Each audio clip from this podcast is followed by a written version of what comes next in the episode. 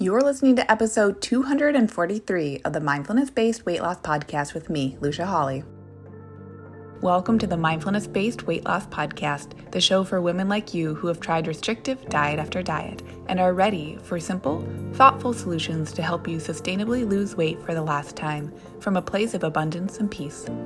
If you're looking to end the yo yo of comfort eating and rigid weight loss protocols and instead step into living your life mindfully on your terms while losing weight in the process, you're in the right place.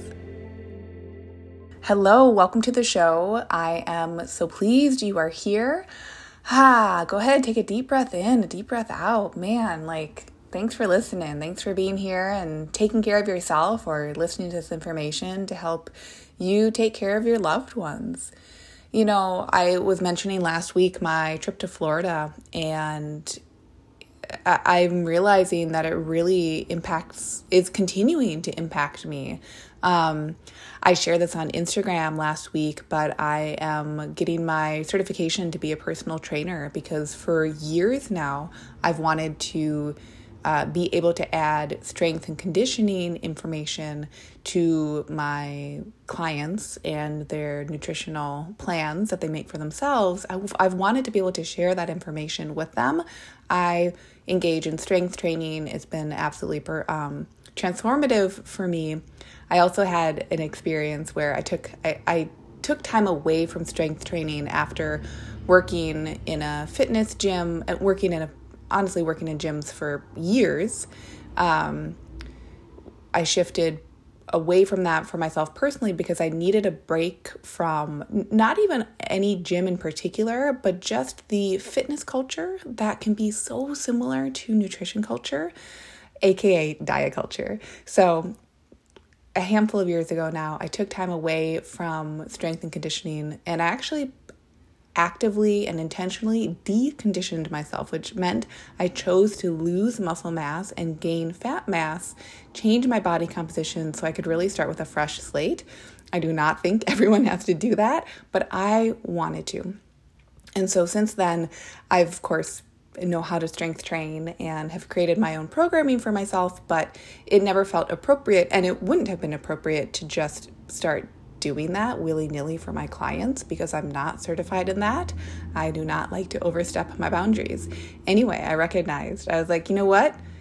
This is the preventative healthcare that I want to see more of in the world because it really affected me how dysfunctional um, a lot of people were in the older generations that I was seeing in Florida, and of course, just in general in the US. We don't get a lot of information about preventive health care, and there is so much we can do that not only will help us when we feel when we are at a more advanced age, regardless of your age that you're listening to the show at, we're all going to have more advanced age ideally, hopefully, like I said last week, I think aging is a privilege. And so I want to be as present for it as I can be. And I know a lot of you feel that way as well. So I felt really called to get my certification and I'm starting that process. So I will have to keep you posted. Uh, so far, it's been an absolute treat. So for today's episode, speaking of physical activity, I did want to touch on metabolism. I've talked about metabolism before, um, but especially in January, which is when people really seem to hunker down. And maybe you've already stopped if you started a diet or you said to yourself, I'll clean up my diet after the holidays. And now things, it feels like January is both zipping by and also going by really slowly. And you're like, diet? What diet? you are not alone at all. So, the information I'm sharing in today's podcast, I want it to be useful for you because I do think that education is empowerment. And as I've said before, regaining health is simple. It may not always be easy because the best practices, we do need to be consistent. Consistent doesn't have to mean every single day, it doesn't have to mean drudgery, but it does mean um, first and foremost, education about how what we do affects how we feel. And secondly, once we know this information, my God, it can change the world. So, on today's episode, we're talking about metabolism, and I want to tell you the heavy hitters. Um, I I think a lot of women fall in one of two camps. At least a lot of my clients do when they first start to work with me. The first camp are people who feel like they are already eating so low calorie and they're feeling stuck, meaning if they were to eat more calories, their body would gain weight really quickly, would like puff up. And if they were to eat less calories, they would be basically eating nothing because they already eat so little food. So that's camp one. And then camp two are the people who feel like they have to be so on the ball with the food that they're eating. They have to be really, really good and eat little food at their meals.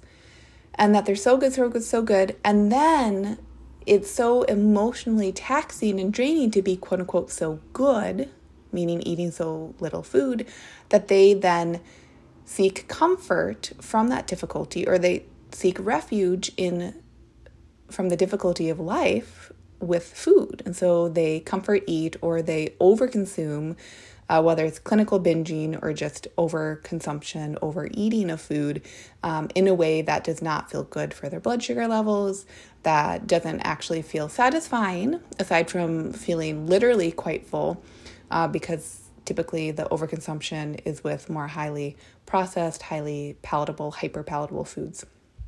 So, you might be in one of those two camps, and you might be in both camps. That's not an impossibility.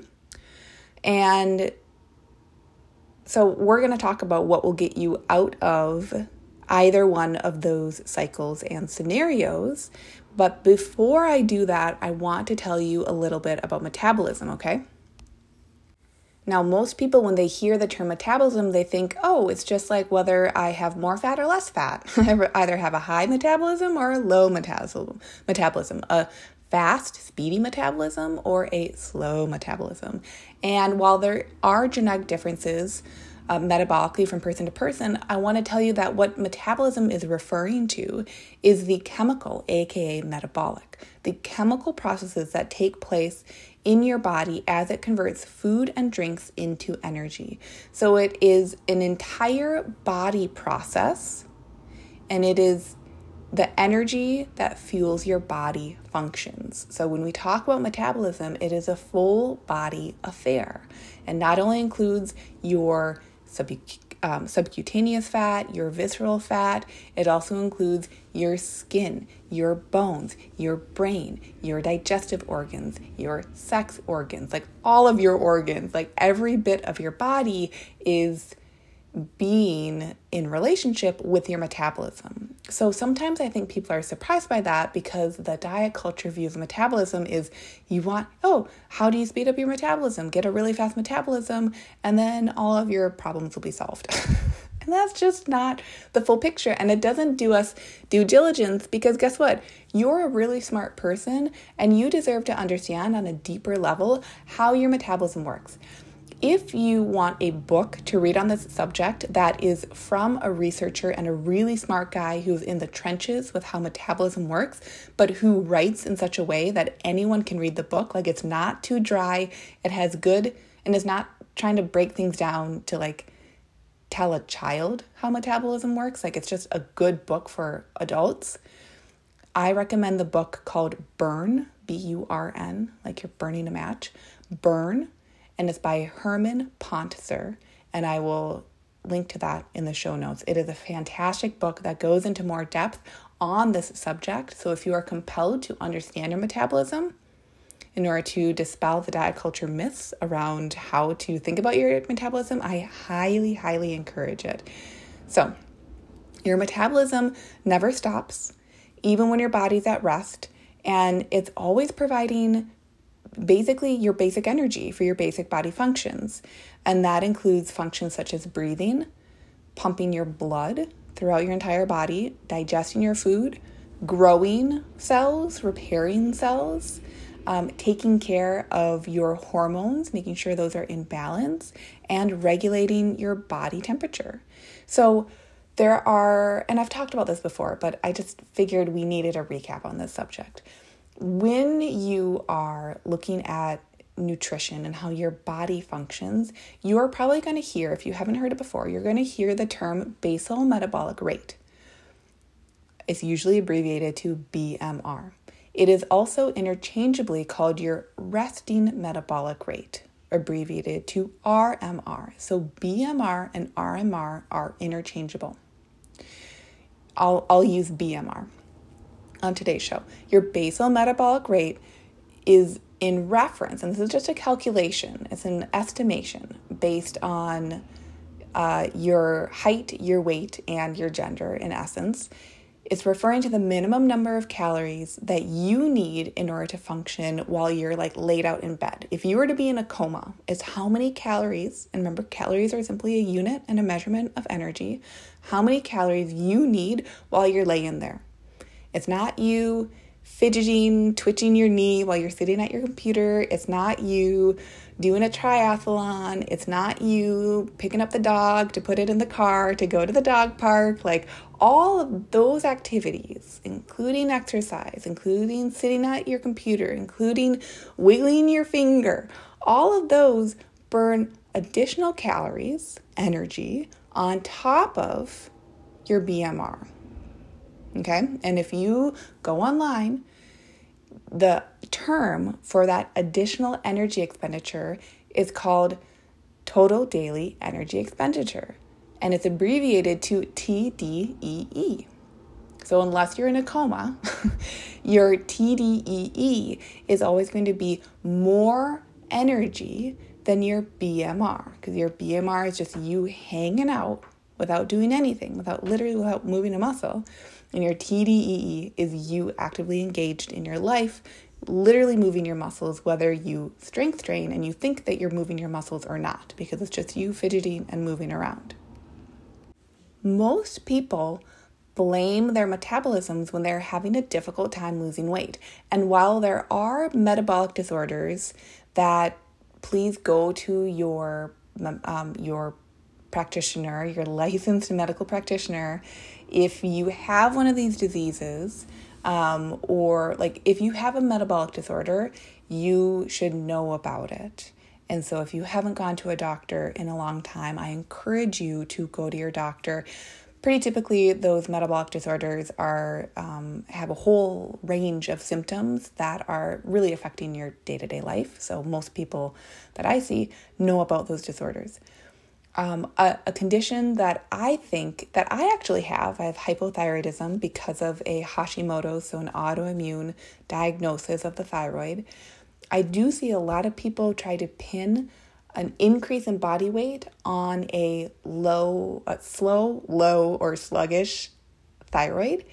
And I will tell you, it is typically no more than at most up to 20 pounds that your thyroid would be kind of not taken care of. So, for the most part, it is lifestyle factors that affect um, how many calories you are burning.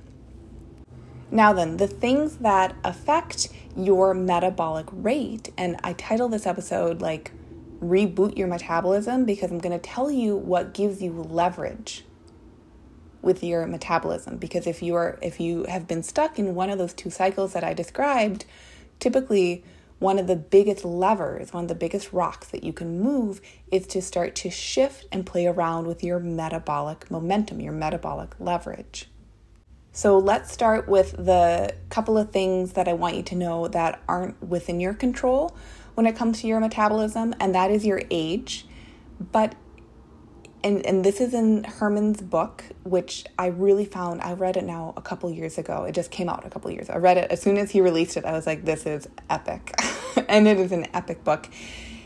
There used to be, and still is actually, a myth that the older you get, the slower your metabolism is. Actually, that's debunked, and he's the researcher who debunked it. So your metabolism is acting differently until like we're not going to get into what your metabolism is doing when you're young and an infant and then a child and then an adolescence. But between the ages of 20 to 60, your metabolism is not declining due to age. After you're 60, there can be some changes to your metabolism. But for those of us who hit age 30 or age 40 or even age 50 and we think, ah, my metabolism is slowing, or we try to just pin what's happening with our bodies on our metabolic rate, the data isn't actually on that, okay? So, age and then sex, there is going to be um, difference between the biological sexes. Men tend to hold on to more muscle mass, and women tend to hold on to less muscle mass. And then there are different hormones at play as well. But the three biggest factors to rebooting your metabolism to get it alive again. Because I know when my metabolism has felt slow, it just kind of felt like it wasn't doing what I wanted it to do. Okay? So, the difference and where we have some leverage are in these three things the amount of muscle mass we have on our bodies, our physical activity levels, and the amount of food that we consume, and 3.1. So, those are three main points, but I'm going to add in a secondary point to the amount of food we eat is the amount of protein that we eat. The foods we eat, I'm just going to jump to number three here. The foods we eat actually takes about one tenth of our metabolic process to process the food we eat. We have to burn calories to process our food about one tenth of the calories, okay? So, there, and this gets a little nitty gritty, but I just want you to have this information, right? This information isn't going to make or break it for people, but I think it can be helpful to have. If you've been eating extremely low calories, you're not even getting the caloric leverage of burning calories that you would be burning at a higher calorie amount.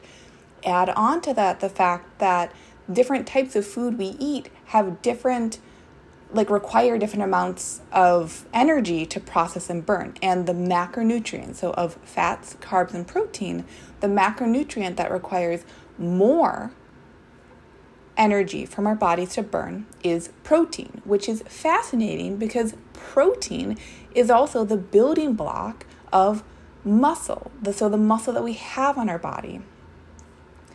And the reason we would care about the muscle on our body to get more metabolic momentum is because when we are prioritizing, at the very least, maintaining our muscle mass, if not building more muscle by progressively lifting heavier and heavier weights in the gym, which will not make you look bulky, if we're not doing that if we're not getting into consideration, am I prioritizing maintaining my muscle by eating enough protein and by actually lifting some weights every week and engaging in resistance and strength training every week? If we're not doing that and we're chronically eating too few calories, our bodies are getting the signal hey, go ahead and burn both body fat and muscle mass. Now, from a health and longevity standpoint, that's a really disappointing place to be in. From health and longevity standpoint, and if you're looking to reboot your metabolism, it would be in your favor to prioritize strength and resistance training at minimum two to three times per week. I would say at maximum six times per week. I think for most people, engaging in strength training three times per week is going to radically change your body composition, especially when you are engaging in making sure that you're like not just lifting like a five pound dumbbell five times a couple times a week and then wondering why your muscles aren't growing you have to continue continuously challenge those muscles to grow which can mean lifting heavier weights slowing down as you're lifting the weights lifting the weights at a different tempo um, engaging the muscles very mindfully as you're lifting the weights. There are a lot of different ways that we can encourage our muscles to grow. And for most of us, because I can hear some people right now being like, ah, don't have to eat in a calorie surplus to build muscle? Yes, that is the best way for muscles to grow is when you're actually giving them enough food. But for most of us, if we eat within a maintenance amount of calories or just below a maintenance amount, which can feel like a lot of food, can feel like a lot of food if you're used to eating very little food and you're stumped as to why your body hasn't been shifting. When we're eating just below maintenance calories, or maybe even at maintenance calories, your body can recompose itself. It can shift its own body composition so that the number on the scale might be slowing itself down in terms of pounds lost because you're now gaining muscle. So the body composition itself is changing. And I think this can be a very empowering thing for people. I have my clients step on the scale every day and then take an average once per week because I really think that that behavior takes the fear and dread and like really um, challenging emotions it neutralizes the scale. And that's the pr- primary reason I have my clients ever care about stepping on the scale is to neutralize the emotional reaction to that number and to go from reaction to reflection. It's so not about the number. It's about health and wellness and feeling good in your body for as long as you'd like. So we've touched on, and I listed out the different main drivers of how to reboot your metabolism. I listed them out and then I went into detail on them completely backwards. So we talked about muscle mass, we talked about the thermic effect of food in total amount of food and also from protein standpoint. And then I also mentioned that protein itself, we need to be consuming enough of it even within a calorie deficit or just right up at calorie maintenance. We need to be eating enough protein so that when we are challenging our muscles, we can challenge them effectively and efficiently, recover properly from that challenge without feeling so burnt out from that. Like, you should be able to go to the gym, work hard, recover nicely, and be ready to go a couple days later. If you don't feel like that, there's likely a chance that you're not eating enough food. And I know that that can be very challenging to hear. I know that that can feel heartbreaking to be like, yeah, but my body's broken. But I'm telling you, it is a different game when you start to think about your metabolism. Now, the first point, which I haven't mentioned yet, is physical activity. So, of course, I would be remiss if I didn't mention that general physical activity including general exercise beyond very specific muscle building exercises, is also going to support your metabolism to perk up. But I'm mentioning that last here because I do think a lot of people very easily slip into becoming cardio bunnies. I'll just go for another walk. I'll just walk another 10 minutes. That's fantastic from a mental health perspective. Walking, other low intensity, uh, steady state cardio, uh, yoga uh, classes that you're doing with friends, Zumba, so many wonderful ways to get in more movement. That's wonderful from a hormonal perspective. But if we're really looking at how to, again, the big rocks of metabolism is going to be allowing yourself to eat enough food so that you can build muscle mass, and of that enough food, that there's plenty of protein in there. I think some people don't want to hear that message because they worry that they're going to get diety with that message. And I'm just here to say as well if you're worried about that, we should talk because that is typically we're taking our thoughts too seriously because this is just function. Again, if you're newer to the show, um, or if you've been around for a while, I do flip flop on episodes between talking about the really tangible stuff, and today is a very tangible episode researching how your like muscles work and your metabolism works like that's functional that's tangible. There's also the intangible side the emotional side. But i would just i have to do episodes like this because if we only ever talk about the emotional side we're not we're not ever talking about the fact that like what might be emotional eating for someone on the surface is actually eating because their blood sugar levels are dysregulated and they feel like they have to keep eating hyperpalatable foods in order to work on their relationship with the food. When in actuality, oftentimes it is a it's the gray area of both the emotional relationship with food and also the functional physical relationship with food. And the same goes for fitness. And I would really couple today when we're talking about metabolism, I would couple that almost under the fitness category because one of the biggest rocks and biggest leverages, biggest ways that we have leverage is addressing what we're choosing to do behaviorally.